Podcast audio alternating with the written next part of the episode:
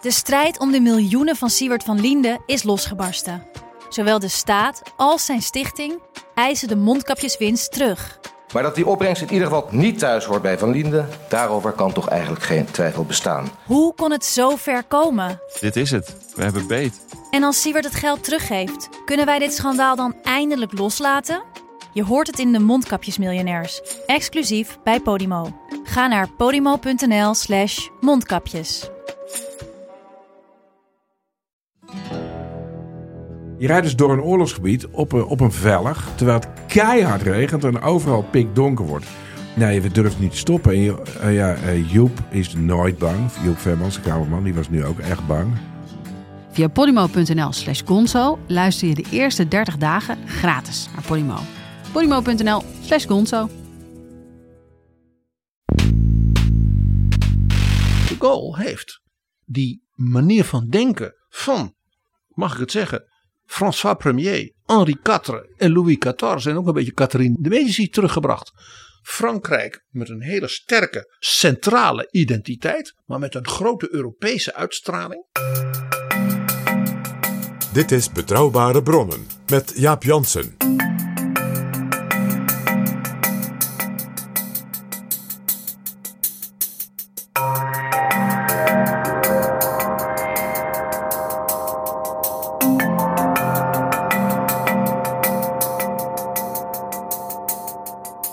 Hallo, welkom in Betrouwbare Bronnen, aflevering 284. En welkom ook PG. Dag Jaap. PG, wij kijken uit naar 14 juillet, de Franse nationale feestdag. Vive la France, vive la République.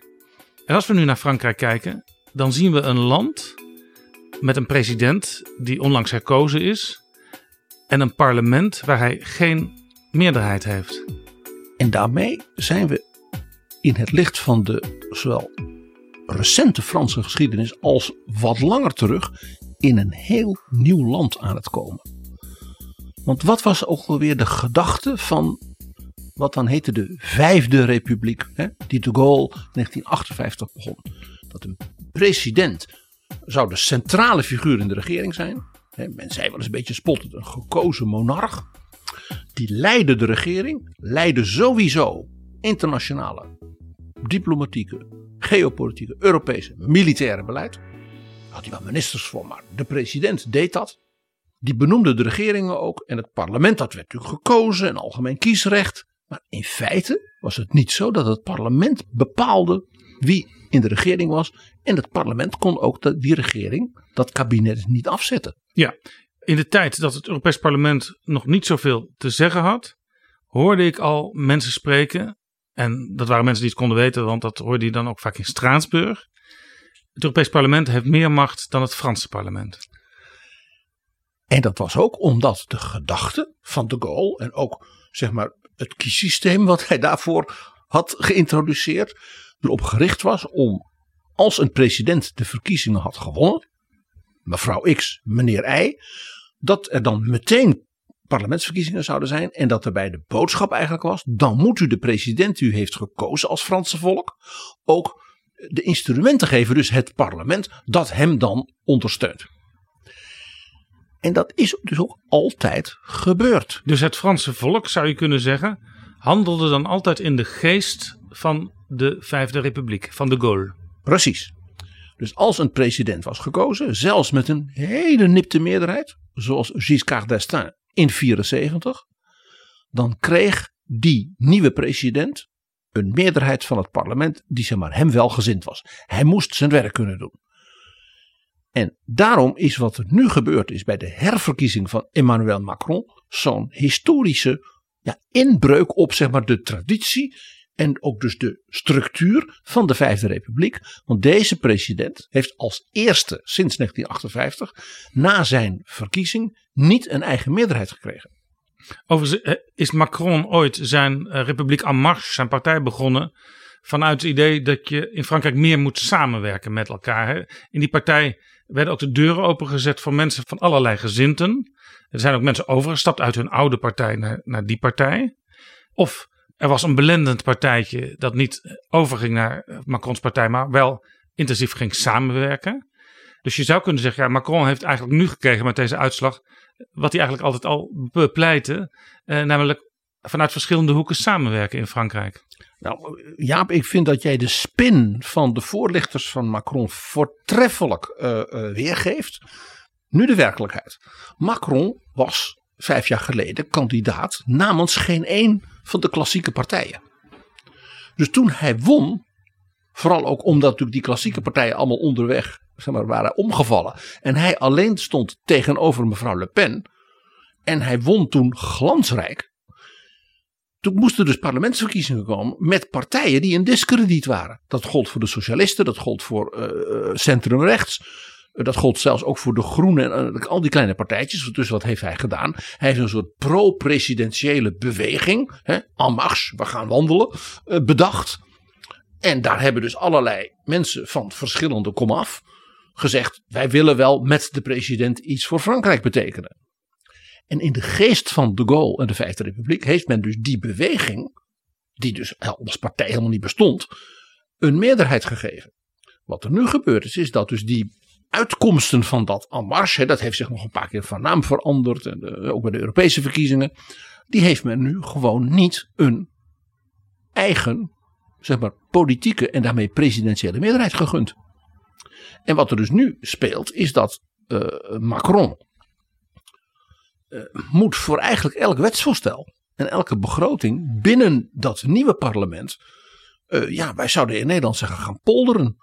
Dus in het midden en met stukjes van de flanken moet kijken of hij ja, steun kan kopen, dan wel uh, kan verkrijgen voor meerderheden. Dat betekent dus dat de president nu voor een hele boeiende uh, boeiende uitdaging, ook dilemma staat. Ga ik zelf, zeg maar, de parlementaire leider worden van die coalitie?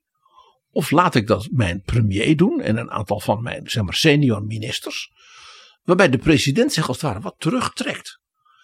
Dat laatste, dat die premier als het ware voor aan zet is, past dus helemaal niet in die vijfde republiek van de Gaulle. Integendeel. Ja, maar het, het zal in de praktijk dus wel moeten omdat uh, voor elk plan een nieuwe meerderheid moet worden gecreëerd. Dus dat betekent dat de, de premier eigenlijk voortdurend in de assemblée aan het zoeken is naar meerderheden. En moet gaan eten met de aanvoerder van een groepje van 15 middenlinkse mensen die wel bereid zijn af te splitsen van Mélenchon. En een groepje uh, behoudend katholieken, ja, die dan toch ook wel de president willen helpen, mits en maar. En als de president dat zelf zou doen, Jaap, Macron de telefoon pakt. Ja, en gaat bellen met Michel Barnier. En dan, dan wordt hij als president ook onderdeel van het klein, politiek met de kleine p. En dan wordt hij kwetsbaar. En dan wordt hij kwetsbaar. En dat past helemaal niet bij de rol van de president. Zoals die natuurlijk door de Gaulle zo ja, als een soort maatkostuum voor hemzelf in die Vijfde Republiek is gedefinieerd. Ja, had hij niet veel liever een vaste meerderheid gecreëerd? Ik weet dat er bijvoorbeeld gepraat is uh, met Yannick Jadot, dat is de leider van de Groenen. Die maakte deel uit van de linkse verkiezingscoalitie. Maar misschien in het voordeel van Macron speelt dat die linkse verkiezingscoalitie nu al niet meer bestaat. Dat zijn gewoon weer losse fracties in het parlement. Ja, Macrons uh, uh, gelukje, om maar zo te zeggen. Maar dat betekent dus dat hij zal moeten soebatten. En dat zal dan toch, dat zullen dan die ministers toch wel moeten doen uiteindelijk. En niet hij zelf. Is dat dus die linkse beweging van meneer Mélenchon. Dat blijkt dus gewoon een, een, een, een, zeg maar, een verpakkingsmiddel geweest te zijn voor met name de socialisten, eh, de sociaaldemocraten ook en zeg maar, de groenen. Om ja, uh, achter de Mélenchon linkse beweging toch nog voldoende zetels binnen te halen om vervolgens weer voor zichzelf te beginnen. Dus er is sprake, en dat herkennen wij natuurlijk in Nederland ook, van sterke versplintering Waarbij uh, ja, de Christen-Democraten, de klassieke zeg maar, centrumrechts in Frankrijk, klein is geworden. Ook intern versplinterd. En de linkerkant ook. En er dan een soort liberaal midden is dat geen meerderheid heeft. Dan denk je, goh, wat lijkt eh, Den Haag wel. Ja, ja want je zou kunnen zeggen, die, die groep van Macron. Dat is eigenlijk eh, D66 en VVD. Plus nog wat losse, losse figuren erbij. Ja, daar zit misschien ook wel een soort bijeen iemand bij de minister van Onderwijs van Macron is een hele spannende benoeming. Maar dat, je zou in Nederland zeggen, die zit eerder bij bijeen dan bij de ChristenUnie, om maar zo te zeggen. Ja. Het kan ook dus in de praktijk zo gaan dat op een gegeven moment een aantal oppositiepartijen die dan soms wel mee willen doen, klagen over individuele ministers en zeggen van ja, met die vrouw of man kunnen wij geen zaken doen. Zet daar maar iemand anders neer en dan gaan we weer verder praten. Of die minister komt met een bezuinigingsvoorstel. Of iets, een verandering in de sociale wetgeving, waardoor de, hè, denk eens aan de pensioenen en dat soort dingen, waar de vakbonden heel boos over worden. Dat dan de linkerzijde zegt: wij gaan dat niet steunen. En mevrouw Le Pen sowieso niet. En misschien zelfs dan de conservatieven, uh, wat ook niet helemaal eensgezind zijn. En dan heeft Macron het nakijken met zijn hervormingen. En hij moet natuurlijk nu in deze tweede termijn een serie van de hervormingen waar hij tegen de Fransen heeft gezegd: steun mij nou, we gaan nu Europeaniseren en hervormen.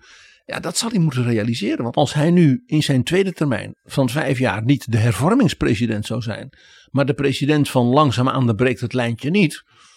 Ja, dan zeg ik, dan is dat het einde van de Vijfde Republiek. Als, als, als kenmerk van hoe Frankrijk geregeerd Heeft wordt. Macron op het einde van de campagne al niet een beetje toegegeven op het pensioenvlak? Dat hij zei van ja, misschien hoeven we niet zo snel die pensioenleeftijd te verhogen. Nou ja, je zou dus kunnen zeggen, hij begon al een beetje te polderen. En toen ging het nog over leeftijden waar wij in Nederland bij kijken van hoe kunnen ze in hemelsnaam op die manier over dat enorme probleem praten. En dat is natuurlijk bij veel dingen zo, omdat natuurlijk Nederland cultureel, politiek, historisch zo'n heel ander land is dan Frankrijk. En ja, daar wou ik het ook met oog op 14 juillet en ja, de ontwikkeling van dat land, wat echt een belangrijk land is, hè? ook in Europa en ook in de wereld, met jou nog eens even over hebben. Voordat we verder gaan met deze aflevering moeten we het nog even hebben over een van onze adverteerders. PG, heb jij al Bamigo? Dat is toch van dat spul van bamboe? Ja, kleding gemaakt van bamboe, dat heb je goed onthouden. Bamigo heeft polo shirts en korte broeken, maar ze hebben ook de boxershort geperfectioneerd. Bamboe boxer. Ja, heerlijk zacht en het ademt. En dat is echt een unieke eigenschap. Ja, boxers moeten ook ademen, toch? Ja, je blijft zo lekker fris. En deze boxers van Bamigo hebben de optimale pasvorm, zodat je boxer niet omhoog kruipt. Maar wel duurzaam, toch? Je, PG? Het wordt gemaakt zonder kunstmatige bewatering, zoals bij katoen. En er worden geen pesticiden en insecticiden gebruikt bij de productie. Dat is duurzaam, dat is heel betrouwbare bronnen. Ja, kijk maar op bamigo.com. En eh, korting? Ja, PG, daar hebben ze al rekening mee gehouden. Jij krijgt 25% korting op je eerste bestelling. En onze luisteraars dan? Die krijgen ook korting. Niet verder vertellen, maar de geheime code is in hoofdletters betrouwbaar25. Bamigo.com. En dan geheime code in hoofdletters betrouwbaar25. Eh, heb jij zo'n boxershort, Jaap? Ehm, ja, van Bamigo.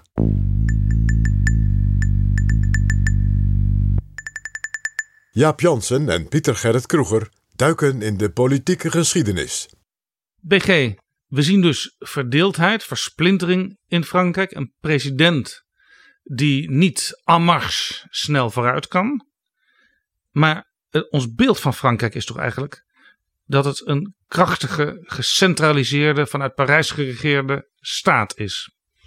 Frankrijk is de nationale eenheidsstaat, ja, par excellence.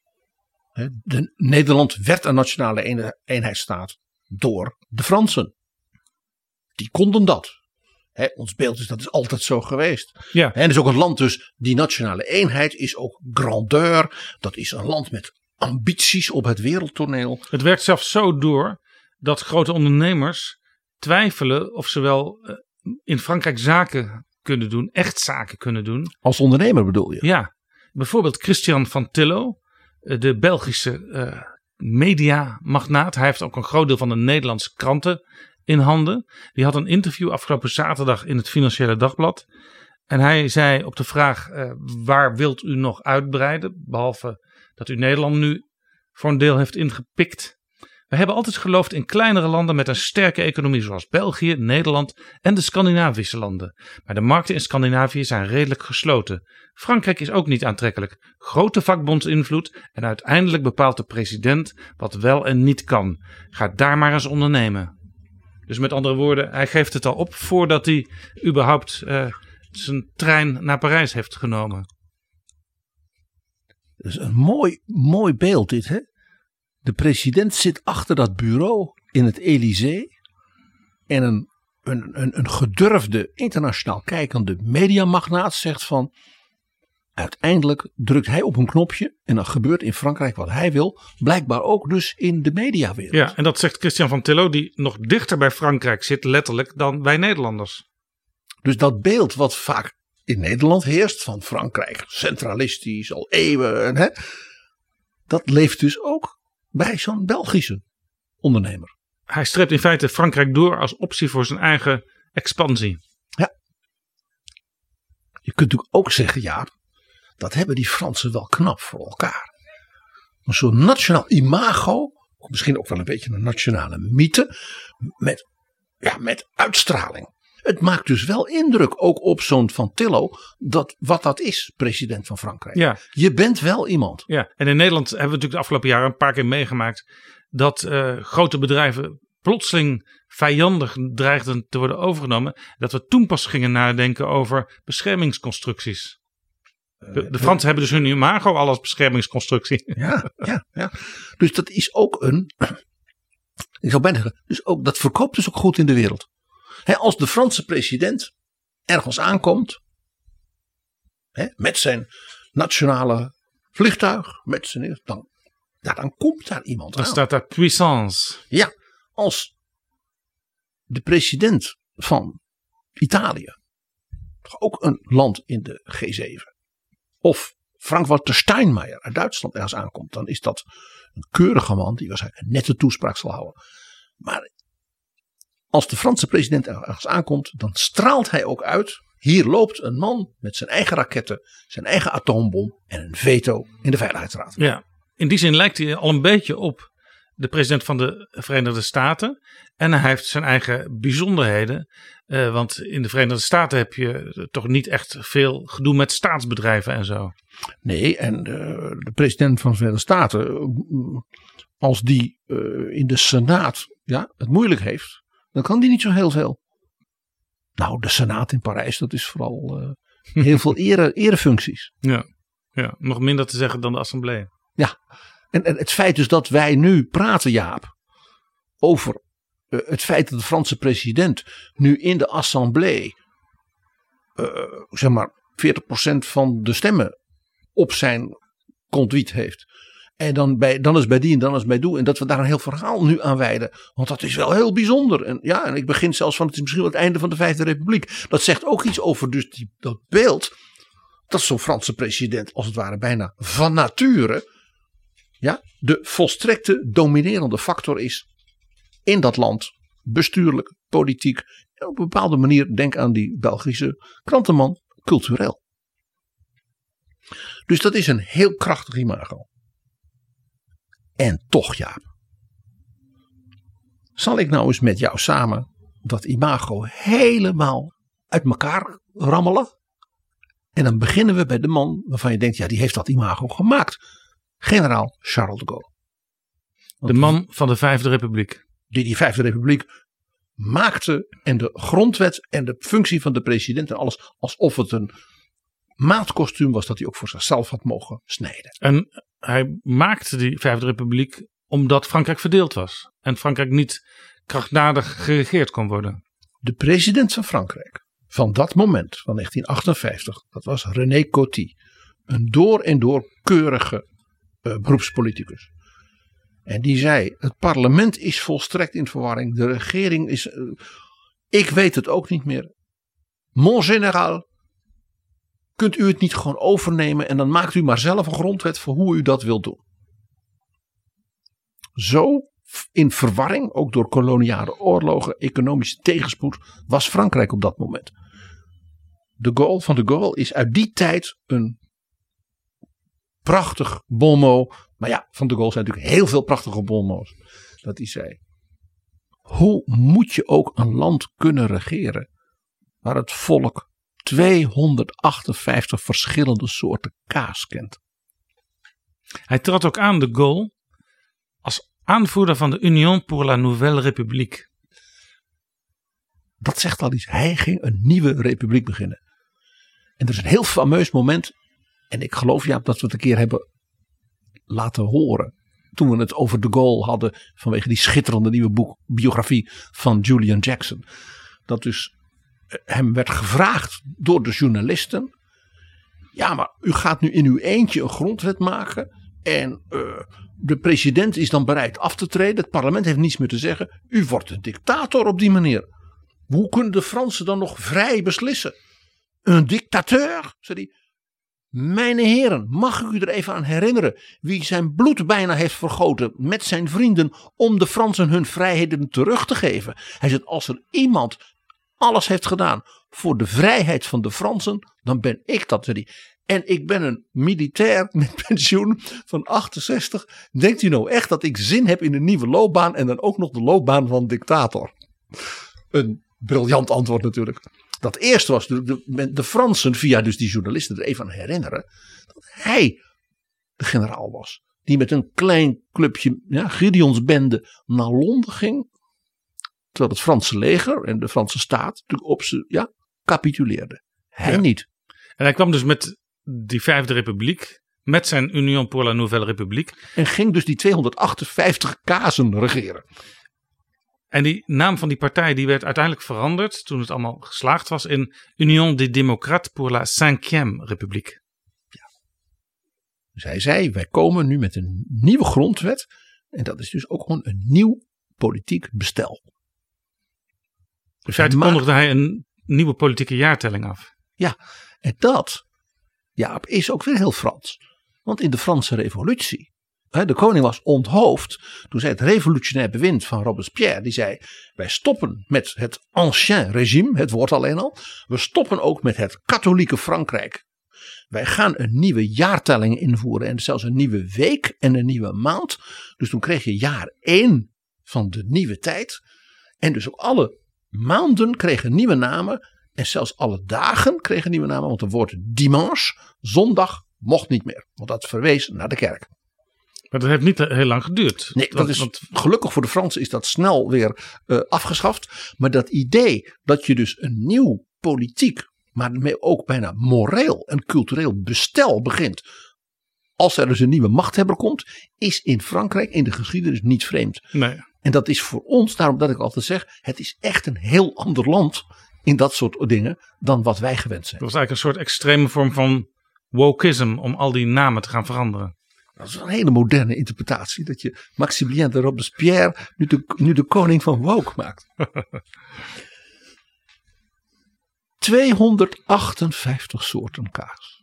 En wil ik het land kunnen regeren, moet ik maar een compleet nieuwe grondwet schrijven. Dat duidt erop dat Frankrijk dus helemaal niet dat beeld wat we dus nu graag zien van die strak afgestelde, ja, coherente, centralistische, hè, wat Van Tillo zei, de president achter zijn bureau drukt op de knop en het mediabeleid wordt bepaald. Dat was dus niet zo. Ja, dat is een van de meest interessante dingen. Frankrijk is eeuwen en eeuwen en eeuwen helemaal niet zo'n eenheidsstaat geweest. In de middeleeuwen bestond Frankrijk uit heel veel regio's met eigen vorsten, met onafhankelijke steden, met grote ook kerkelijke, door, dus door bisschoppen en abten bestuurde regio's. En dan rond Parijs had je een kleiner stukje, dat heette Ile-de-France, het eiland Frankrijk. Dat was het kroondomein. Dus de koning van Frankrijk, die werd wel gekroond en gezalfd in Reims, maar was feitelijk een groot grondbezitter in zeg maar, boerenstreken in de Brie, hè, van die kaasjes. Ja, Dat was. En hele delen van Frankrijk in de middeleeuwen werden geregeerd door de koning van Engeland.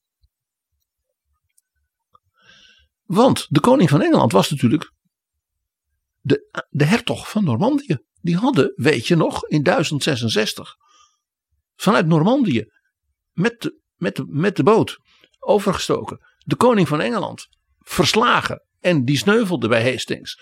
En dus die hertog van Normandië werd de nieuwe koning van Engeland. en vandaar ook Bretagne. En Bretagne was zelfs een heel eigen vorstendom, wat vooral Keltisch was. En dus cultureel meer verbonden was met Cornwall, met Wales en met Ierland dan met Parijs. Frankrijk kende ook niet één taal, dat denken wij nu. Dat is heel recent. Je had het Languedoc, het Languedoc, dan had je het Frans, je had het Bretons ja, en andere Keltische talen. Dan had je natuurlijk in het midden bij Bourgondië en dergelijke en de Elzas, daar sprak men Duits. En in het noorden sprak men Vlaams. En echt niet alleen maar in de deel wat nu Vlaanderen is, dat ging veel zuidelijker door. Dunkerque hè, Ja, was ja. Duinkerken. Ja, op die plek eigenlijk waar de, de hogesnelheidstrein de tunnel ingaat. In die hoek spraken ze Nederlands, ne- Vlaams. Dat was een hele. Lille was een. Als je nu naar Lille gaat, prachtige stad. Maar je loopt daar in de, de Grand Place de Lille. Dan denk je: Frankrijk? Dat is een schitterende, typisch Vlaamse, middeleeuwse plein. Met al die prachtige huizen en zo'n kerk en het stadhuis. Het is net Antwerpen. Ja, en dat is nu trouwens ook helaas een plek waar Le Pen enorm scoort bij verkiezingen. In die noordelijke, eh, ja, zeg, gedeindustrialiseerde gebieden. Ja. Dus Frankrijk leek eerder op Duitsland. Dat keizerrijk met al die vorsten, had je wel een keizer, maar al die vorsten die allemaal hun eigen ding deden en dan een rijksdag. En daar deed Frankrijk meer aan denken. Maar er waren twee factoren waardoor Frankrijk dus een heel andere geschiedenis uiteindelijk kreeg dan Duitsland. En waarom dus het Duitsland van nu met zijn federalisme en zijn Bundesländer. En denk, dat je denkt, ja, dat doet meer aan die middeleeuwen denken. Hè? Zelfstandig Beieren met een prachtige persoonlijkheid als land. Hamburg, nou, hè? dat heeft Frankrijk niet. Terwijl Frankrijk eigenlijk in die tijd dus erg leek op Duitsland. Ja. Twee factoren. De eerste, iets wat in Duitsland veel meer versplinterd was, maar niet in Frankrijk. En dat was de katholieke kerk. De katholieke kerk in Frankrijk had een zeer krachtige centralistische organisatie. Waarbij vanaf het dorp tot en met de, de intellectuele religieuze leiding. men ook allemaal natuurlijk Latijn sprak. En het was heel strak georganiseerd en zeer gehoorzaam aan Rome. Dus de paus in Rome kon altijd leunen op de Franse kerk. Ja. Dat betekent dus dat elk dorp in Frankrijk op die manier bij zoiets belangrijk als de religie en ja, de, de, de, de, de- hoe, de, hoe letterlijk en figuurlijk het jaar georganiseerd was. Hè? Met kerst en alles en alle ceremonies was dus in feite centraal georganiseerd Ja, bij dat- alle verdeeldheid. Dat was dus een verschil met sommige andere koninkrijken. Waar ze soms een houding hadden van eh, die paus, die kan maar wat. En er is nog iets en dat is uniek voor de Franse geschiedenis. En dat heeft hiermee te maken. Frankrijk is eigenlijk gedurende de middeleeuwen zeg maar het thuisland geweest van zeer machtige, goed georganiseerde kloosterordes. Dus de, bijvoorbeeld de kloosterorde van Cluny, dat was de grootste kerk van Europa. Dat was het, hoofd, het hoofdkwartier van een kloosterorde die in heel Frankrijk overal eh, land beheerde. eh, eh, dus economisch dus heel veel te vertellen had. Gold ook voor de kloosterorde van Citeaux. Dat waren hele grote ondernemingen ook. Dat kunnen wij misschien nu wat moeilijk ons indenken. Maar zo'n kloosterorde van Cluny was in feite ook een groot en machtig bankhuis. Want dat moest van alles organiseren. En dat eh, zorgde ook voor het, bijvoorbeeld het ontwikkelen van nieuwe landbouwgronden. Voor het ontwikkelen, het bosbeheer. Dat werd allemaal door die monniken natuurlijk georganiseerd. Die konden allemaal lezen en schrijven. Hè. Dat was het, het belangrijkste van de kerk was dat het een, in feite een intellectueel centrum was van mensen die konden rekenen, schrijven, lezen. eh, ja, en samen dingen heel goed organiseerden. Ja. ja, dat is dus echt een totaal ander beeld dan veel mensen nu hebben. Of dan, dan eigenlijk dan de geestelijke praktijk zeg maar nu is van de kerk. Toen was het echt een politieke organisatie en een commerciële organisatie. Het was economie. Het was ook lange termijn ontwikkeling. Hè, want die paters, dat is een heel belangrijk punt, ze waren niet getrouwd. Dus die orde bestond voor zichzelf. En dat was dus niet vader op zoon opvolging. Nee, je had weer een nieuwe jongen die dan pater werd. Die leerde lezen en schrijven. Dat kon jouw opvolger worden. Dus het was ook dus een sterk doorgeorganiseerde, wij zouden nu zeggen meritocratische organisatie. De Britse eh, historicus Dan Jones heeft net een prachtig boek over de middeleeuwen geschreven. En die zegt: Wij Europeanen van nu, of wereldburgers van nu, wij begrijpen zo'n kloosterorde van Cluny eigenlijk veel beter dan misschien 100 jaar geleden, zei hij: Weet je waarom? De kloosterorde van Cluny doet denken aan Facebook. Dus een netwerk dat zich, dat zich overal uitstrekt, dat overal invloed uitoefent, wat communiceert, wat dingen bij elkaar brengt. En hij zegt, en dus daardoor ook heel rijk is. Ja, het gekke is, nu zou je zeggen, ja, eh, eh, kerken die zijn vaak aan de bedelstaf. Maar toen was het zo dat rijke families eh, gaven veel geld aan de kerk. Maar gaven geen geld, het waren alle katholieke landerijen. families die vaak eh 10, 11, 12 kinderen hadden, die stuurden wel een zoon en soms ook een dochter eh, naar de kerk. Jaap, dat is wel een Dus beetje. los van de commerciële inkomsten ging het, ging het al goed op die manier. Jaap, dit is een beetje wat 19e eeuws, vroeg 20e eeuws beeld. In die tijd, katholieke gezinnen hadden veel kinderen, maar alle Europeanen waren katholiek en, de, en zeker de helft van die kinderen werd geen vijf jaar oud. Dus dat is echt een ander soort samenleving dan het katholieke Brabant, zal ik maar zeggen, van de 19e en 20e Ja, je bedoelt eeuw. in die tijd, eh, die middeleeuwen waar we het over hebben, eh, toen was het sowieso nodig om veel kinderen te krijgen, omdat ook een deel weer stierf op een heel jonge leeftijd. Ja, het was niet alleen nodig, het gebeurde gewoon. Dat was de natuur. Die krachtige, centrale, zeg maar, Facebook-achtige organisatie van dus die kloosterorde en de kerk was dus een iets wat dus dat, dat was Frankrijk met al zijn grote verschillen als het ware een soort centrale organisatie van de samenleving, de economie en het bestuur gaf. En dat was een tweede grote factor. Ik zei, er waren er twee. En dat was de zekere eigenaardigheid van het koningshuis. Het koningshuis van de familie Capet, zo rond het jaar 900 kwamen die zeg maar, op de troon. Ja, die hadden iets heel bijzonders. Die gingen maar niet dood. De familie Capet heeft even, even, even vader op zoon. Soms een neef, dan weer eens een broer. En dat ging, maar het was altijd het huis Capet. Dus dat gaf een enorme continuïteit aan, laat ik zeggen, de troon van Frankrijk. Waarom hoor je die naam Capet eigenlijk nooit meer? Omdat ze op een bepaald moment, eh, zeg maar, er een tak, het als het ware overnam, die zeggen de familie Valois noemde. En die bestond weer uit twee takken, hè, via de ene broer en de andere. En dat waren, het, eh, was, waren de, de, de heren van Bourbon en de heren van Orléans. Ja, die namen hoor je nog wel wel. Maar het is eigenlijk al door de, min of meer dezelfde dynastie. Maar de namen Capet en Valois, die zijn verloren. Maar als ik je vertel, hoe werd koning Lodewijk XVI, die beklagenswaardige jonge vorst in de 18e eeuw, hoe werd hij genoemd toen hij beschuldigd werd van landverraad en werd onthoofd? Toen heette hij niet meer koning Lodewijk, want hij was afgeschaft. Hij heette citoyen Capet. Burger Capet. Ja. Dus hij werd vernoemd naar die allereerste koning, die dus die titel van koning van Frankrijk kreeg. En dat werd dus al die eerdere koningen, die werden dus als het ware allemaal delegitiem gemaakt. Hij was maar de opvolger van die meneer Capet. Ja, overigens, ehm, als je in zeer conservatieve Franse kringen komt, eh, Ja, jij Dan- komt overal, Jaap, dat weet ik. dan, ik, toen ik daar ooit kennis mee maakte, toen was ik een beetje verbaasd, want ik had natuurlijk dat beeld van het revolutionaire Frankrijk, eh, waarin de kerk geen rol meer speelt en eh, ja, alles wat met de vroegere koningen te maken heeft, is weggevlakt. Maar juist in die kringen zijn ze vaak zeer katholiek, katholieker dan katholiek.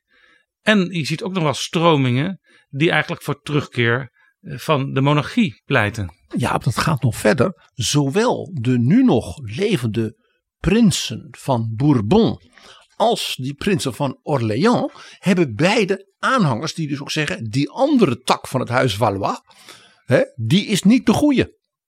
Er is dus zelfs in zeer conservatief Frankrijk zijn er dus monarchisten, aanhangers van het huis Bourbon en aanhangers van de tak Orléans. Die elkaar dus het licht in de ogen niet gunnen. Wij kennen dat dan weer niet. Nee, en soms duiken er ook kandidaten op voor de assemblee die dan gelieerd zijn aan een van die takken. Ja, klopt. Voor vaak heel conservatieve, ruraal-katholieke bewegingen. Je begrijpt dat het effect hiervan was dat dus er dus twee soort continuïteitsfactoren waren in dat zeer diverse Frankrijk, wat dus allemaal verschillende talen had en voor een deel door Engeland geregeerd werd, namelijk die krachtige organisatie, hè, die Facebook van de kerk en de continuïteit van dat vorstenhuis. En zoals wel vaker ook in de geschiedenis, als zoiets maar lang genoeg duurt, gaat dat ook ja, als een soort magneet werken. Ja. Daarbij speelde dat in die familie Capet zich in de loop van de middeleeuwen, ja, wij zouden zeggen, heel Frans, grande personnalité naar voren kwamen.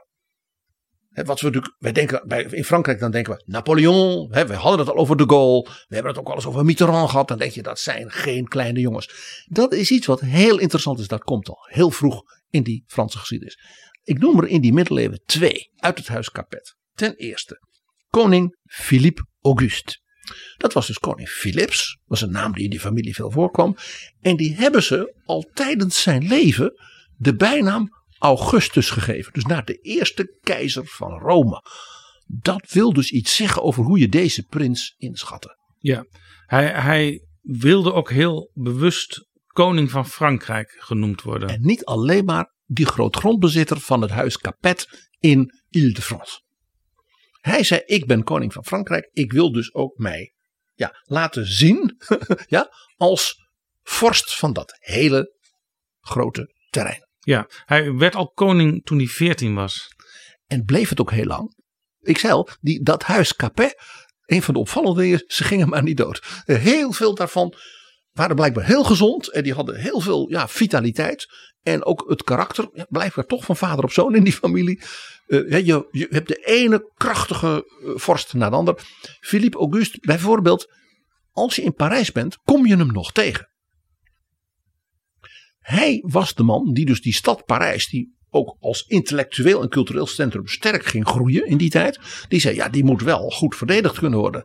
Dus hij bouwde de stadsmuren van Parijs als een enorm publieke werkenproject. En delen daarvan kun je nu nog zien. Dus ga als je in Parijs bent een keer naar de stadsmuren van deze koning uit de 13e eeuw. Ja, en die, die Philip Augustus die uh, was inderdaad zeer krachtig, want hij uh, kwam ook in conflict met Engeland, met, uh, met Richard Leeuwenhard. Een, een, koning van Engeland met een enorme reputatie in de geschiedenis. Ook. Hij kwam in conflict met Vlaanderen, hij kwam in conflict met het, het heilige Romaanse Rijk. Ja, hij, hij, hij, zette Frankrijk op de kaart en kreeg dus ook spanningen hè, met, we zouden zeggen, de buren. En maakte daardoor Frankrijk ineens een factor, politiek. Dus niet alleen maar dat domein van de koning en dat hij dan met die andere vorsten he, wat probeerde te, te, polderen. Nee, hier stond iemand en die zei: Ik ga iets van Frankrijk maken. Het feit dat je hem Augustus noemt, dat zegt iets. Vrij snel na hem, ik denk zijn kleinzoon, achterkleinzoon, is eigenlijk zo'n tweede ja, grande personaliteit uit het huis Capet. Als je Lodewijk heet, je bent al de negende Louis. Dus dan zie je ook die continuïteit in die familie. En je wordt zo hoog geacht. Dat de andere vorsten in Europa, als er spanningen zijn, zeggen. Laten we hem om advies vragen. Dus hij werd een soort bemiddelaar in Europa. En hij werd, omdat hij zo buitengewoon uh, ja, vroom was. En uh, de kerk wilde helpen en ook uh, nieuwe kruistochten organiseerde. Na zijn dood heilig verklaard. Saint-Louis. Ja, ook deze kwam trouwens vroeg al aan de macht. Want op zijn twaalfde stierf zijn vader. En uh, zijn moeder die heeft nog een tijdje als regent opgetreden. Dat en, gebeurde vaker. Ja, dat, en het interessante is dat dus die koninginnen van Frankrijk ook uit deze familie. Dat die zelf dus vaak ook zeer krachtige persoonlijkheden waren. Uh, en dus politiek ook, uh, nou ja, van wanten wisten. En dan zo'n zoon, als het ware, goed, ja, zeg maar, trainden en voorbereiden. Zodat hij met 15, 16 het over konden nemen. En ja, omdat dus die Capet-mannen blijkbaar allemaal zo gezond waren. Dan, dan zat er weer iemand gewoon 30, 40 jaar uh, op de troon. Ja, en, en deze koning die trok er trouwens ook op uit. Hij heeft nog een tijdje gevangen gezeten in Egypte. En heeft ook nog vier jaar in het Koninkrijk Jeruzalem gewoond. Ja, want hij organiseerde dus nieuwe kruistochten voor de paus.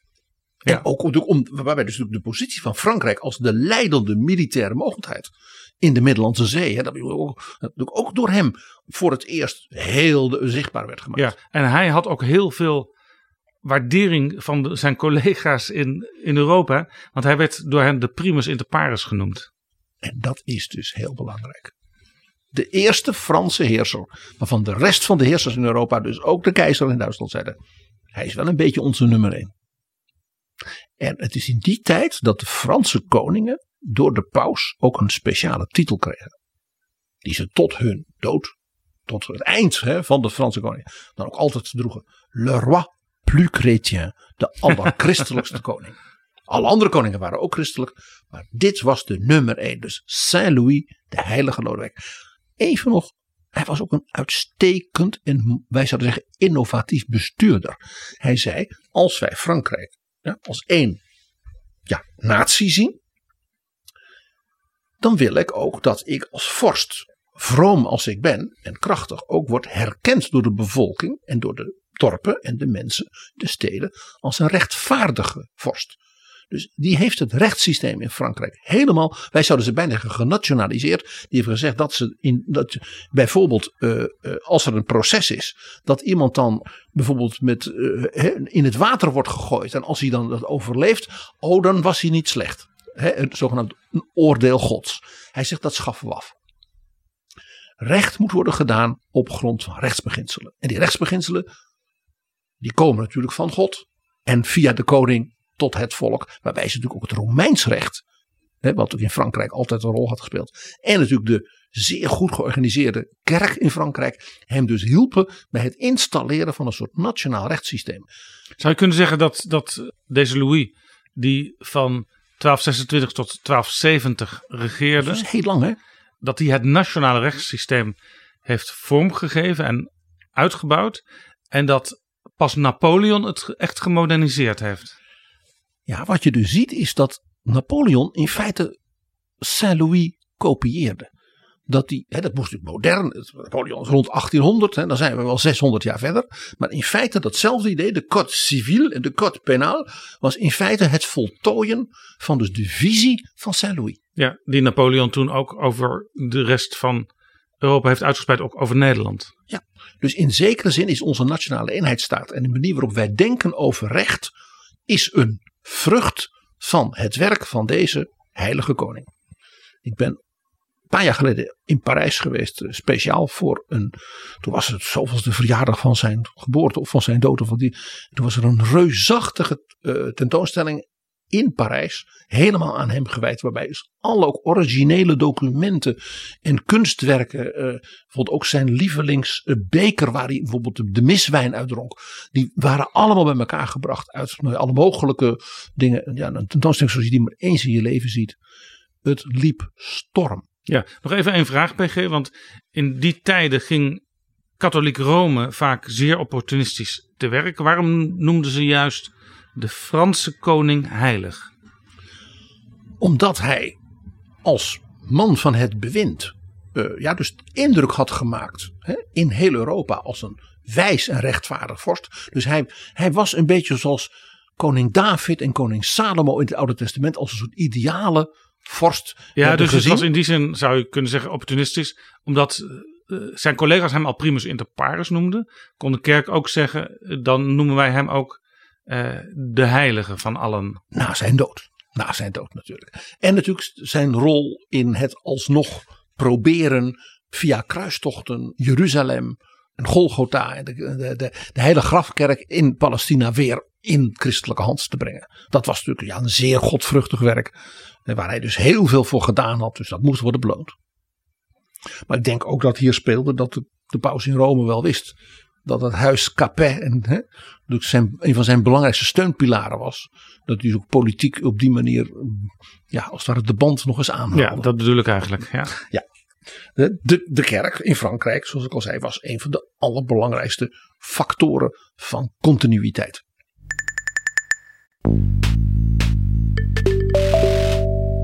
Dit is Betrouwbare Bronnen, een podcast met betrouwbare bronnen.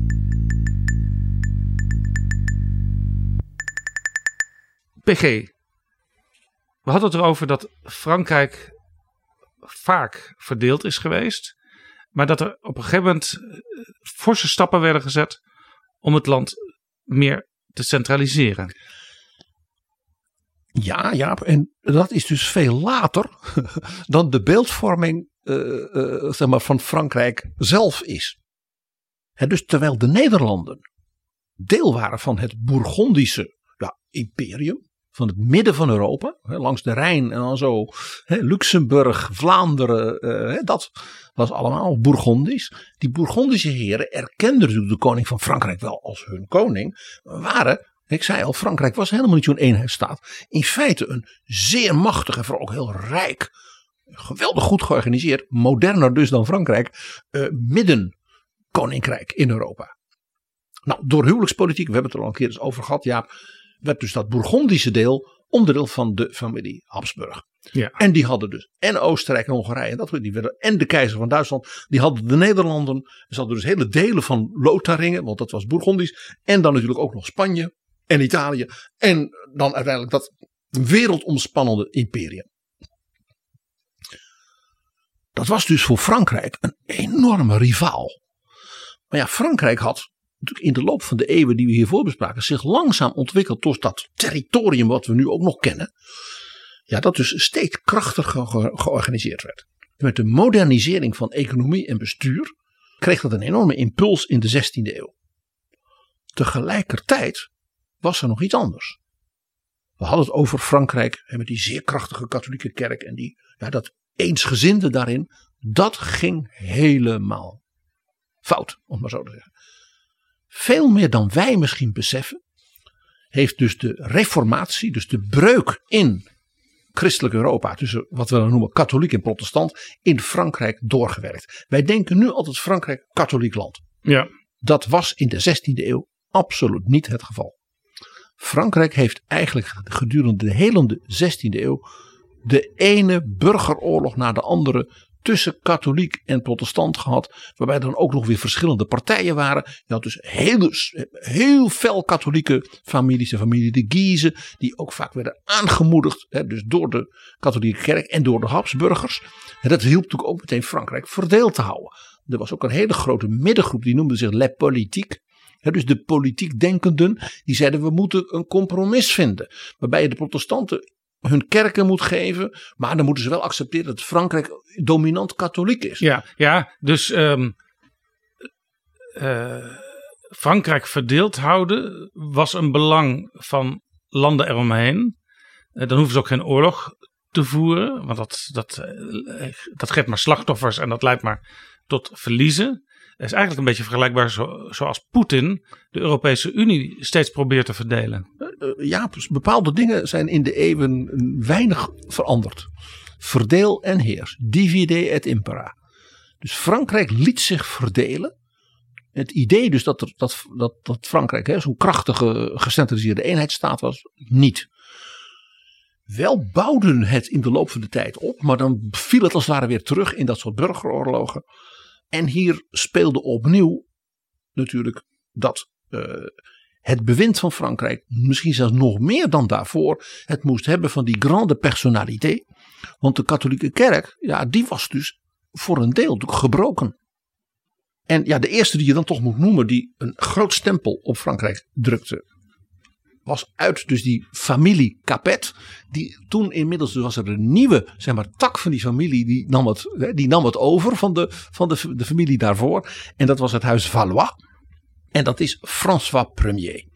Frans de eerste koning van Frankrijk. En Jaap, jij weet, jij denkt dan onmiddellijk. Daar hebben we het in Betrouwbare Bronnen een keer over gehad. Ja. Dat was die charismatische, knappe, briljante, intelligente prins in wiens armen Leonardo da Vinci stierf. Ja, want, want Leonardo da Vinci had ook onder hem de Mona Lisa naar Frankrijk gebracht. Die had hij in zijn koffer meegenomen toen hij verhuisde van Florence en Milaan naar Frankrijk om de koning van Frankrijk zijn, ja, zijn hofschilder te worden, maar veel meer dan dat. Ja, de laatste jaren van zijn leven was Leonardo da Vinci eigenlijk dagelijks bij koning François, die toen een twintiger was. En ja, hij was waarschijnlijk ook gewoon een beetje verliefd op hem. En deze jongen was zo, ja, uh, uh, zeg maar, leergierig en intelligent en artistiek begaafd. En sprak zijn talen. Dat, die man had gewoon ja, een vriend erbij met wie die ja, op het allerhoogste niveau ook nog gedachten kon bedenken. Hij ontwierp zelfs een compleet nieuwe hoofdstad van Frankrijk voor hem. En ja, die twee die waren gezworen kameraden. Ja, dat was natuurlijk ook in de tijd dat de ideeën van de Italiaanse renaissance steeds invloedrijker werden ook in Frankrijk. Want François Premier beschouwde zich eigenlijk als een Italiaan. Zijn moeder was een prinses van Savoia. Dus hij, ik ben koning van Frankrijk, maar in mijn hart klopt ook een Italiaan. Dat was natuurlijk ja, voor Leonardo da Vinci natuurlijk ook leuk. Hè, dus ze konden ook in het Italiaans met elkaar praten. Ja, hij regeerde van 1515 tot 1547, Frans de Eerste. Ook hier weer zie je weer zo'n Valois-prins. Hij was al jong dat hij koning werd, die dus lang aan het bewind was. En hij heeft uh, uh, dus heel veel ja, bestuurlijke hervormingen ook doorgevoerd. Uh, waardoor dus die centralisatie van het Franse bewind ineens begon aan te jagen. Het probleem was dat ja, eigenlijk na zijn dood ja, hij niet meer, ik zal maar zeggen, dus die, die strijd, burgeroorlogen kon tegenhouden. Waarbij dus protestant tegen katholiek kwam. En dat heeft, heeft Frankrijk echt decennia verscheurd. Desondanks bleef het bij elkaar. En bleef ook die dynastie de centrale rol spelen die het nu kreeg. Maar het was niet dankzij een man. Dat was dankzij een vrouw. Want die moeten we zeker op even noemen. Dat was grappig genoeg opnieuw een Italiaanse vrouw. Net als dus die prinses van Savoia, de moeder van François. En dat was Catherine de Medicis, zoals in Frankrijk zeggen. Nou hoor je het al, Catharina de Medici. Ja. Dus dat was een meisje uit het huis van de bankiers van Florence de Medici. En zij volgde hem op, hè? zij volgde Frans op. Ja, haar man, koning Henri, werd koning na François Ier. En die stierf zeer dramatisch, namelijk aan een toernooi waarbij een speer in zijn oog kwam. Ja, hij heeft nog een aantal dagen geleefd. En ja, was toen dood. En ja, hij had een heleboel kinderen. Maar dat waren allemaal, nou ja, nog geen tieners. Dus de koningin weduwe, ja, die heeft men toen maar ja, een soort regentes gemaakt. En drie van haar zonen zijn achter elkaar koning van Frankrijk geweest. En die stierven relatief jong. De een aan tuberculose, de ander weer daaraan. Dus zij was de factor die Frankrijk bij elkaar hield. Deze Italiaanse ja, burgermeisje. Dus eerst omdat de jongens te jong waren. En vervolgens om, vanwege hun zwakte en omdat zij zelf wel geïnteresseerd was in politiek en bestuur. Ja, en onthoud, Catharine de Medicis was dus niet van koninklijke bloeden. Zij was de dochter van een, zij het heel machtig en enorm verknoopt, bankiershuis. Ja, hier zie je dus ook, net als we straks over de kerk hadden, dat politiek en bedrijfsleven samengaan. Dat is een, uh, je zegt het heel mooi. Uh, overigens speelt hier ook de kerk een rol. Want zij was opgevoed door haar oom. En dat was de paus. Ja, als je haar zag, het was een klein vrouwtje, dun ook. Maar zij staat te boek als de, de allermachtigste vrouw van Europa in de 16e eeuw. En dat zegt wat, want wij hebben het alles gehad over die Habsburgse tantes in diezelfde tijd. He, dan noem ik altijd Maria van Hongarije als eigenlijk de bazin van het huis Habsburg. En dan nog, ja, zei men, en nog één, nog één trapje hoger, deze Italiaanse ja, bankiersdochter, die koningin van Frankrijk was en die dus die zaak bij elkaar hield, hè, samen met haar man, toen bij zijn dood en haar drie zonen. Eén leuk dingetje, haar bijzondere band met Nederland.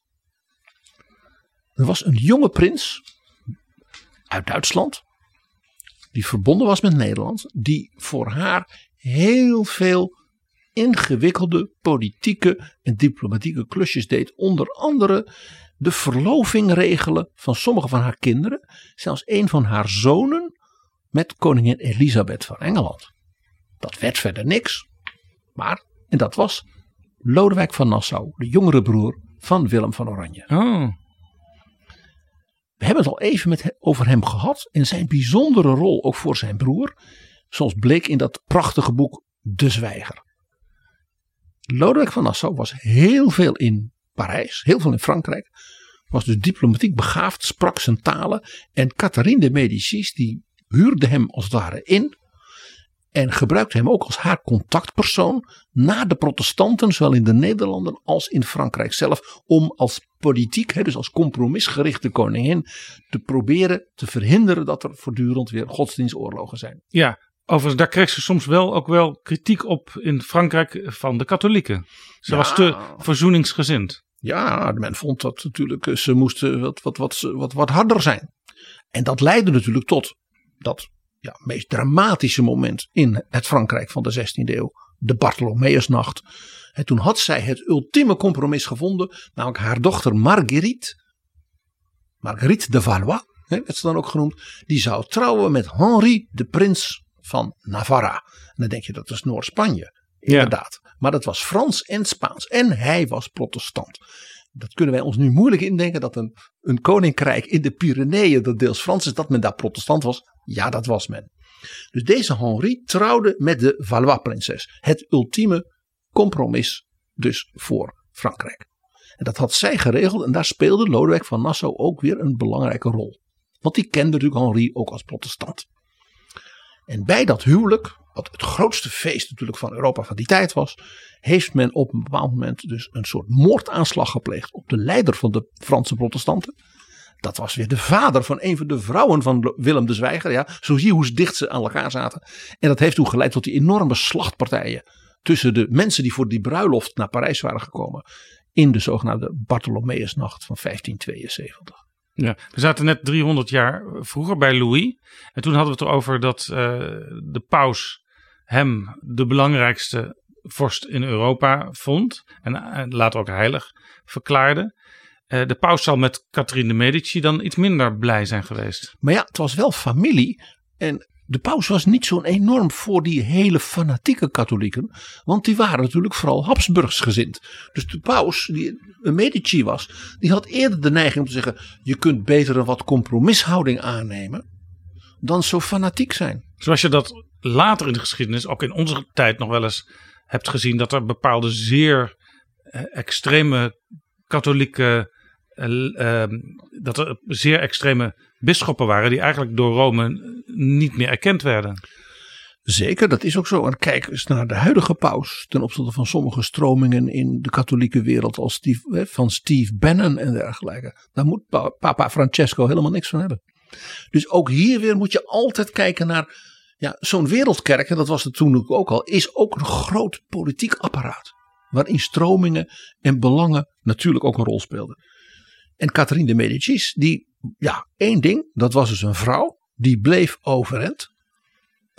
En uiteindelijk kreeg zij haar zin. Want die Henri de Navarre, echtgenoot van haar dochter Marguerite de Valois, die werd uiteindelijk zelf koning van Frankrijk. Toen dus al die zonen van haar dood waren, zij leefde ook niet meer. Toen is hij uiteindelijk koning van Frankrijk geworden. Toen eiste de katholieke kerk en de, de, de, de, de meerderheid dat hij zijn protestante geloof zou opgeven. Dat weigerde hij. Hij zei: Ik ben protestant gedoopt. En protestant is iets nobels. Eh, dat betekent dat ik niet anti-katholiek ben. Ik zal als koning van Frankrijk voor alle Fransen er zijn, zouden wij zeggen. Maar ik heb mijn geloof. Dat leidde tot een nieuwe burgeroorlog, jawel. En toen heeft hij, want het was een politiek zeer begaafd en handige man. Die heeft toen gezegd van nou vooruit. Toen heeft hij dus een keer de, mes, de, de, katholieke mis bezocht. En toen heeft men gezegd oké. Toen heeft hij de onsterfelijke woorden gesproken. Paris faut bien une messe. Parijs is wel een misje waard. Zodat hij in het paleis in het Louvre als koning van Frankrijk kon gaan resideren. Hij heeft Frankrijk weer tot zichzelf gebracht. Hij was dus de ultieme politiek compromis. Hij zegt: geef naar de protestanten hun kerken. Maar accepteer ook dat Frankrijk in meerderheid katholiek is. Daarom dat ik dus ook die mis heb bezocht. Uh, verzoen je nou met elkaar. Maak er toch vooral één land weer van. Stop met die burgeroorlogen. Hij heeft Frankrijk ook economisch en nou, gemoderniseerd. Heel veel bestuurlijke modernisering. Ook weer, net als zijn vorige vorsten waar we het over hadden, verdere centralisatie. Dat was ook de tijd PG van de Hugenoten. Ja, de, de Franse protestanten, die dus door deze koning erkenning kregen. Ja, en dus ook in steden waar zij de meerderheid hadden, ook de burgemeester mochten leveren, dat soort dingen. En hun, vrij hun geloof mochten uh, uh, uitoefenen. Die noemden zich les Huguenots.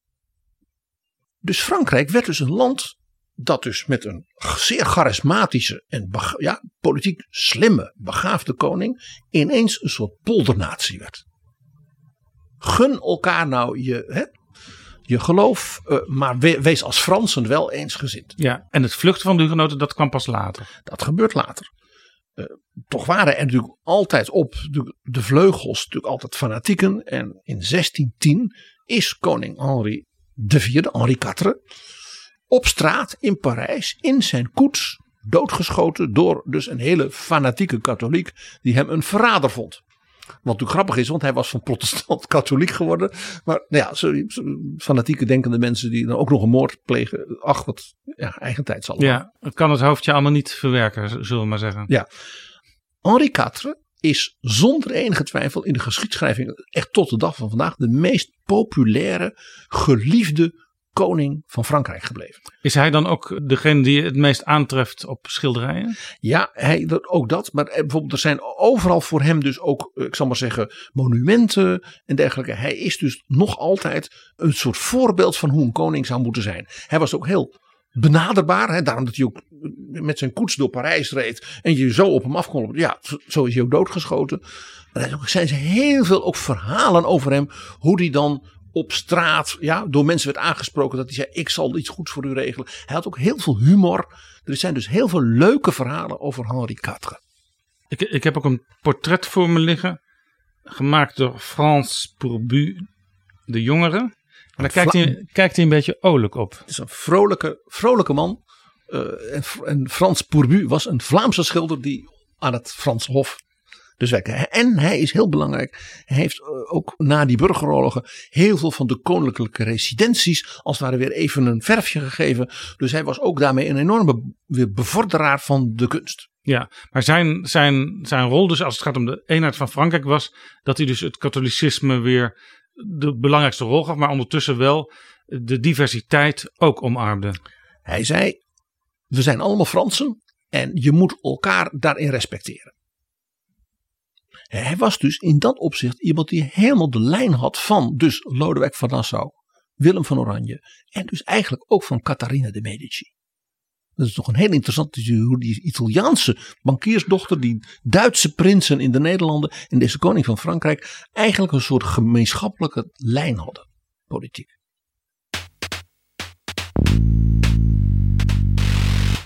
PG 1 koning heb je nog niet genoemd. En dat is de koning die in 1643 aantrad. Louis XIV. En dat is natuurlijk de man, als het over Frankrijk als gecentraliseerde staat hebben. Dat is natuurlijk de man die zei, l'état c'est moi. De staat, dat ben ik. Louis XIV, Lodewijk XIV, de zonnekoning, ook wel Louis le Grand genoemd. Jawel, Lodewijk de Grote.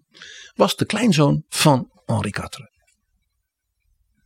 En hij is tot de dag van vandaag de langst regerende koning van enige Europese monarchie in de geschiedenis. Ja, hij heeft 72 jaar geregeerd. Dus nog even, als ze het haalt, dan wordt hij ingehaald door Queen Elizabeth II, die dit jaar haar 70-jarig jubileum vierde. Moet je nagaan, Louis XIV vierde dus een 70-jarige regeringsjubileum. En in die tijd ging hij nog bijna elke dag met zijn paard om even flink te bewegen en op jacht te gaan en dergelijke.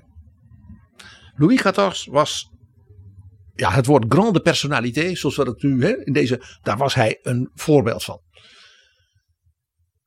Zijn naam is heel bijzonder. Hij had anders dan de meeste vorsten in die tijd maar twee namen. Hij heette niet, niet Louis de, de, de, de, en als laatste altijd Marie. Hij heette Louis Dieudonné. Van God gegeven. Lodewijk van God gegeven. En waarom is dat? Hardnekkige gerucht gaat dat hij niet de zoon van Lodewijk de dertiende is. En daarmee de kleinzoon van Henri IV. De koningin van Frankrijk werd plotseling na vele jaren getrouwd geweest zijn, zwanger. En er gingen vele geruchten. Vele geruchten. En zij baarde een zoon. En dat was Louis. En die noemde zij Louis Dieudonné. Want toen bekend werd dat de koningin zwanger was, voor het eerst in 13 jaar of zoiets. Toen heeft kardinaal Mazarin, dat was de, een Italiaan, Mazzarini, die heeft toen, zie je ook weer die Franse nationale kerk, hè, dat dat piramidale uit de vroege middeleeuwen van de Franse kerk. Die heeft gezet, alle kerkklokken in Frankrijk moeten worden geluid.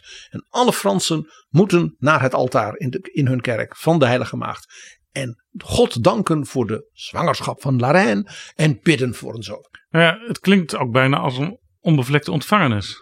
Ja. Hè, dus dat was de majesteit zeg maar drie, vier maanden zwanger toen dat bekend werd. Dus heel Frankrijk ging bidden en de kerkklokken luiden. En men zong. En niemand vroeg waar komt dat vandaan, dat kind. En dat kind heette Louis Dieudonné. Maar iedereen zweeg daar verder over en, en iedereen was blij. Iedereen was blij.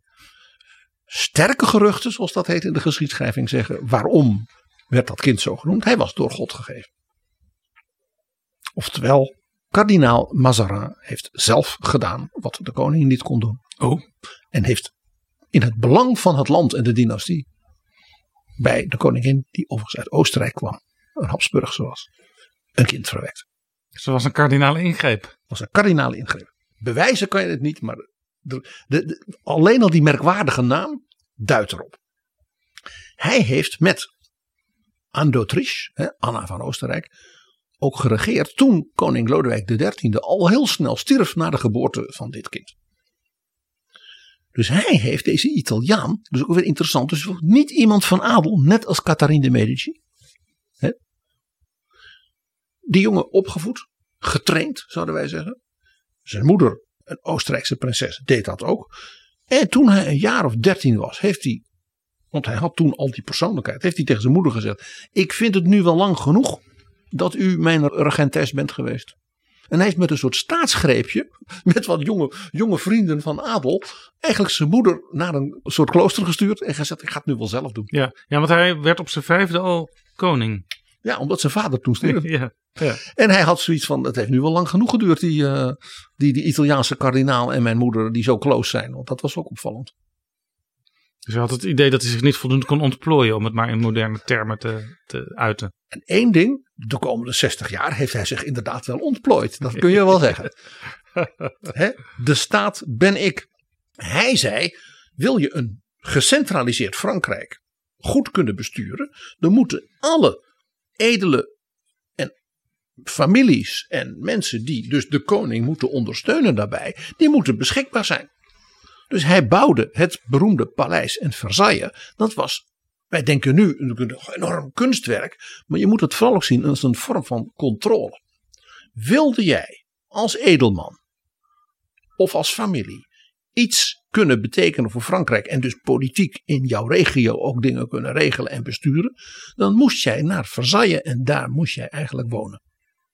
Dus hij controleerde de hele elite van Frankrijk door dat Versailles te bouwen. Ja. En wat hij ook deed, hij bouwde het bewust ten zuiden buiten Parijs.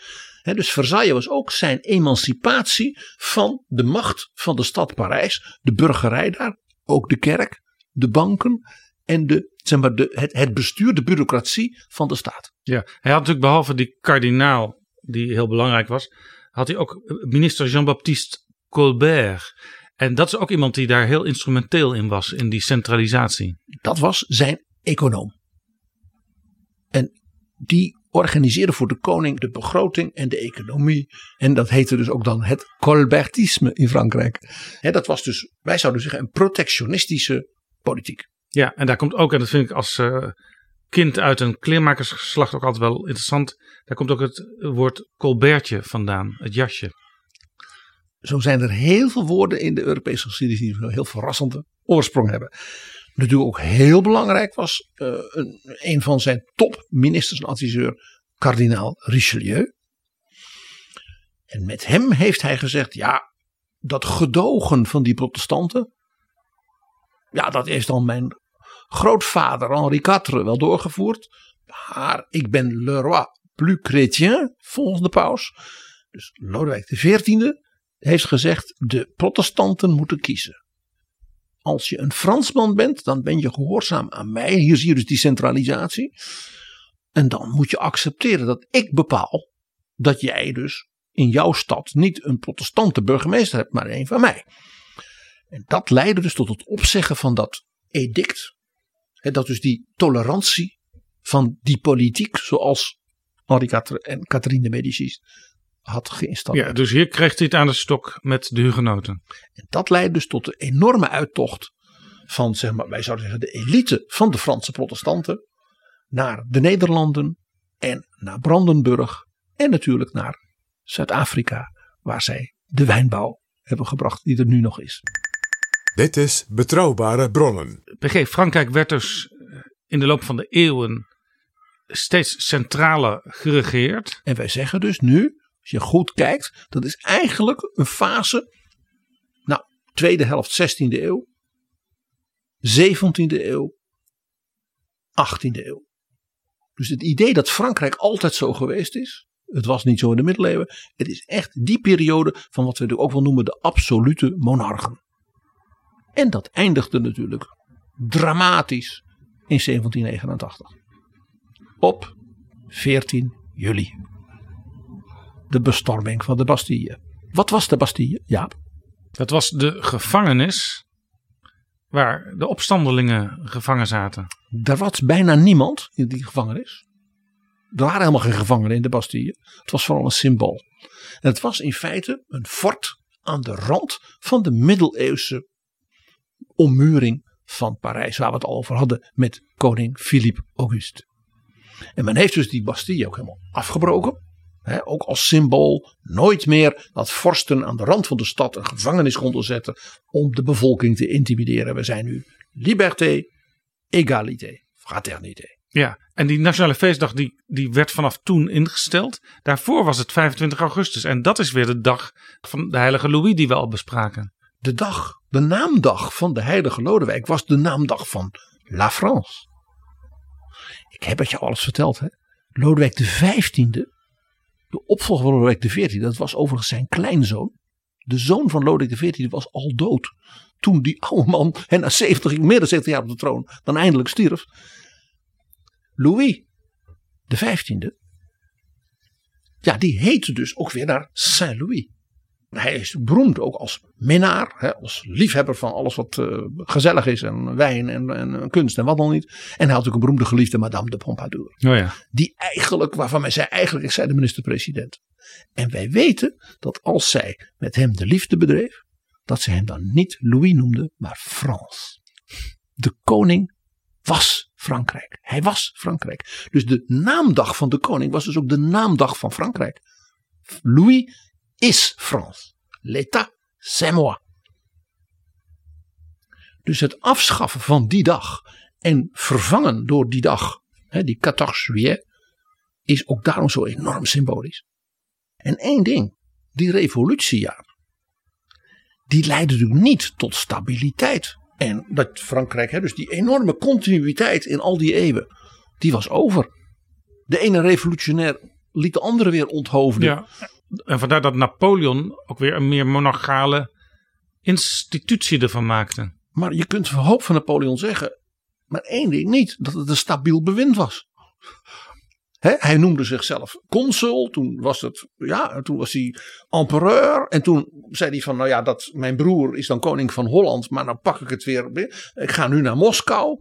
Uh, en dan, ja, ja, ja, ik kom binnenkort terug, maar ik ga nu even naar Moskou. Ja, en na Waterloo zat hij op Sint Helena. Ja. En hij is 15 jaar aan het bewind geweest. En dat Frankrijk was natuurlijk volkomen labiel.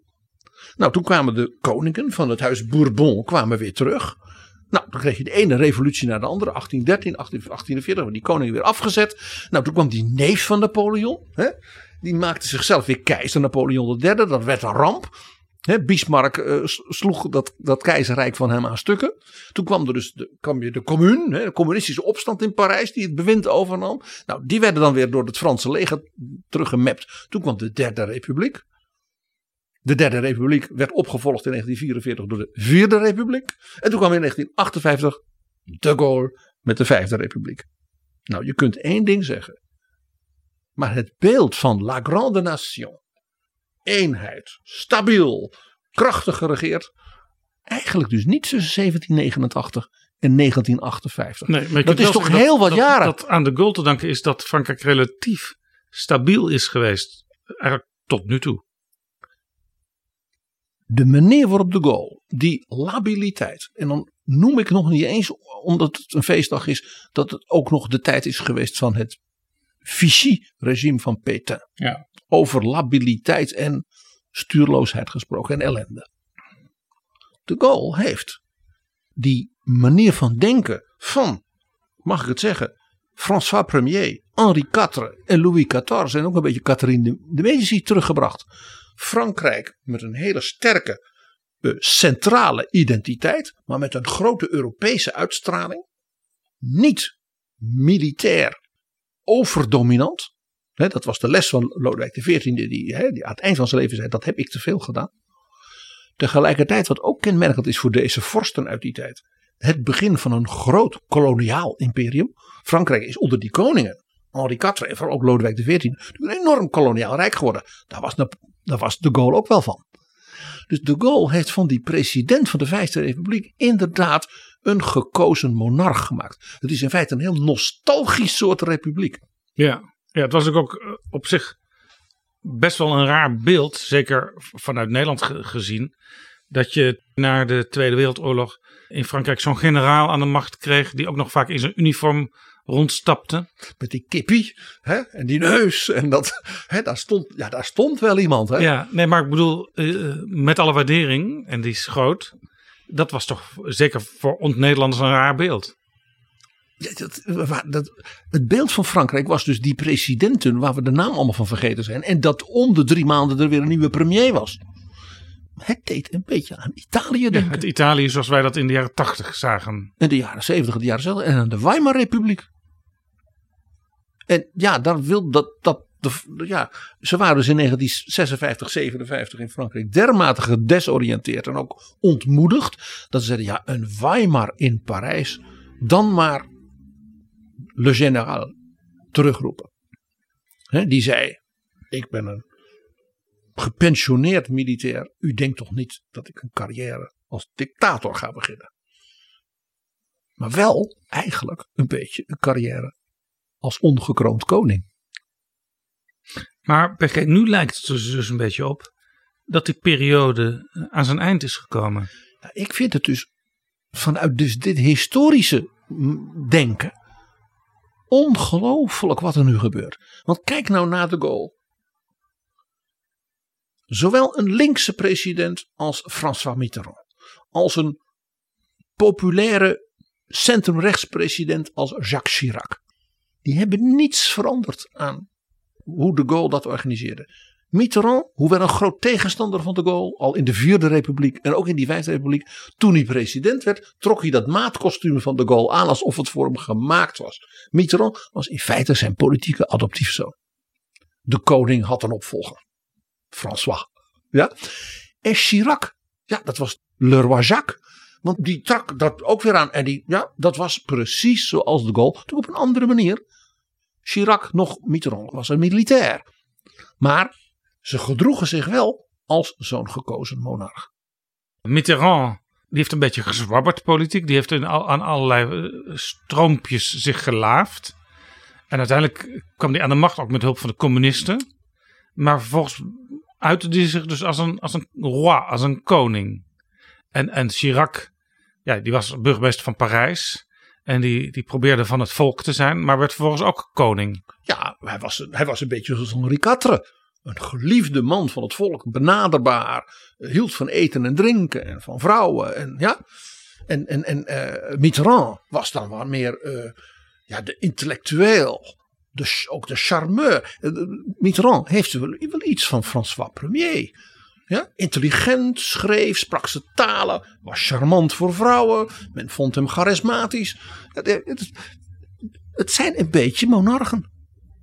Republikeinse vorsten. Ja, dat geldt natuurlijk ook voor een aantal anderen, zoals, zoals Giscard d'Estaing. Die ook een beetje van adel was, hè? Maar ja, die, die zaten toch wat korter, die hebben toch wat minder zeg maar, een stempel op het Frankrijk van hun tijd gedrukt. Als je dan kijkt naar Sarkozy, Hollande en nu Macron.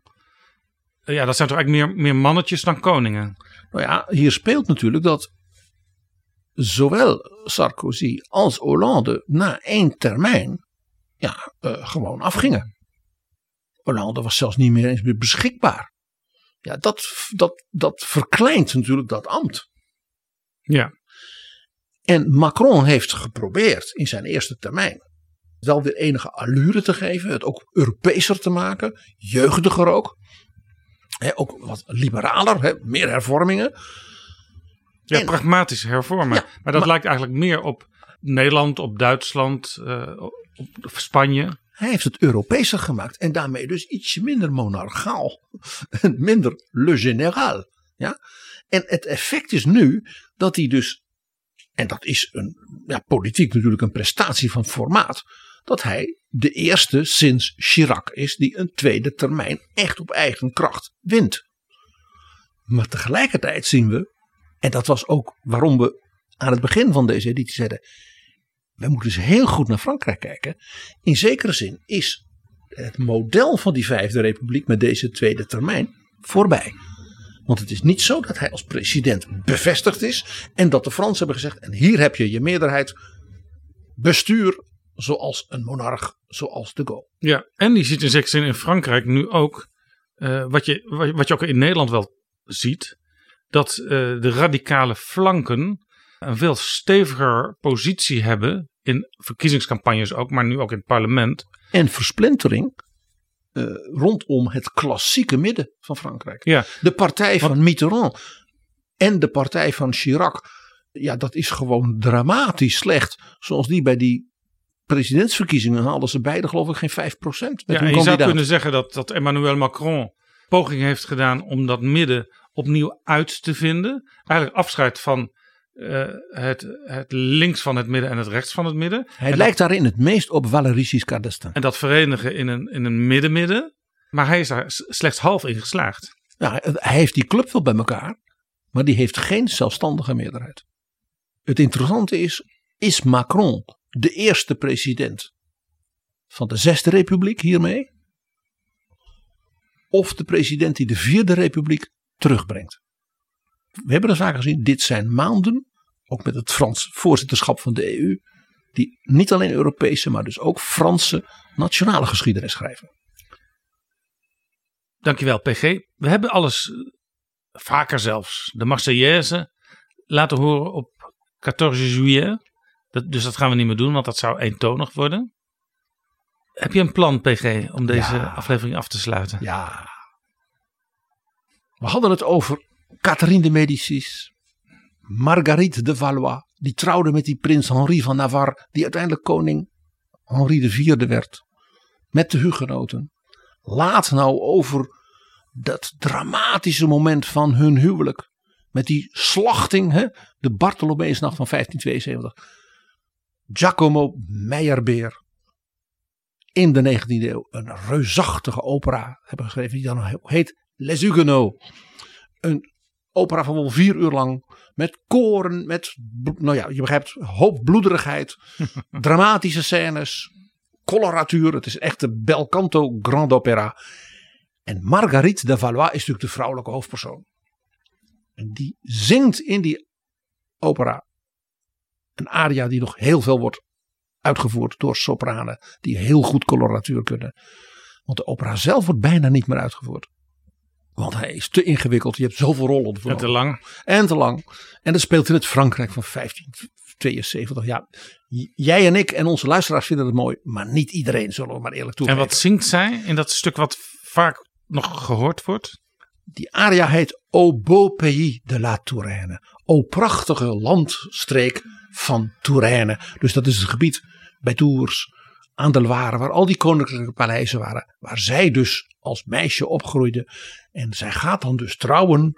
Dus zij verlaat dan Touraine. Het is ook een beetje een, een, een, een, een elegische aria. Maar aan het eind van de aria zegt ze maar ik ga nu voor l'amour.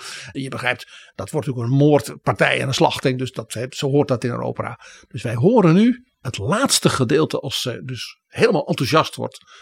En we horen de absolute eigenaresse van deze opera en deze aria van de 20e eeuw. Namelijk La Stupenda, zoals de Italianen. Joan Sutherland. Joan Sutherland, de Australische nachtegaal. Die deze rol zo graag zong. Dat zij, als zij in Wenen of in Londen of waar was. En ze zeiden, ja, zou u willen komen? Dan zei ze, ja, maar dan moeten jullie wel voor mij ook Les Huguenots van Meyerbeer een keer op het toneel brengen. En dat deden ze dan maar omdat ze wisten, dan komt Joan. En dan zingt ze Au beau pays de la Touraine.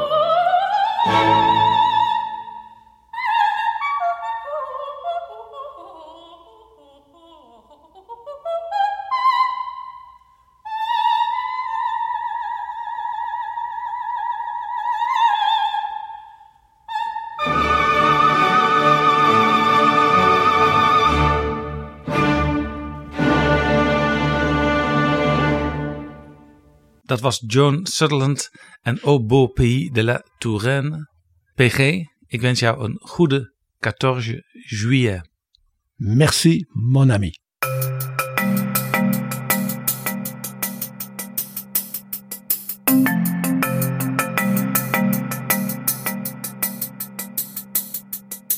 Zo, dit was Betrouwbare Bronnen, aflevering 284. Deze aflevering is mede mogelijk gemaakt door de Europese Unie en natuurlijk ook door de vrienden van de show, luisteraars die met een donatie nog veel meer afleveringen in de nabije toekomst mogelijk gaan maken. Wij zijn die vrienden van de show altijd weer zeer erkentelijk. Wilt u meedoen? Vriend van de show worden? Ga dan naar vriendenvandeshow.nl slash bb. Kleine correctie, PG. Correction. Vriendvandeshow.nl slash bb. Vriendvandeshow.nl slash bb. Ami du spectacle bb. Tot volgende keer. Betrouwbare bronnen wordt gemaakt door Jaap Jansen in samenwerking met dag en nacht.nl.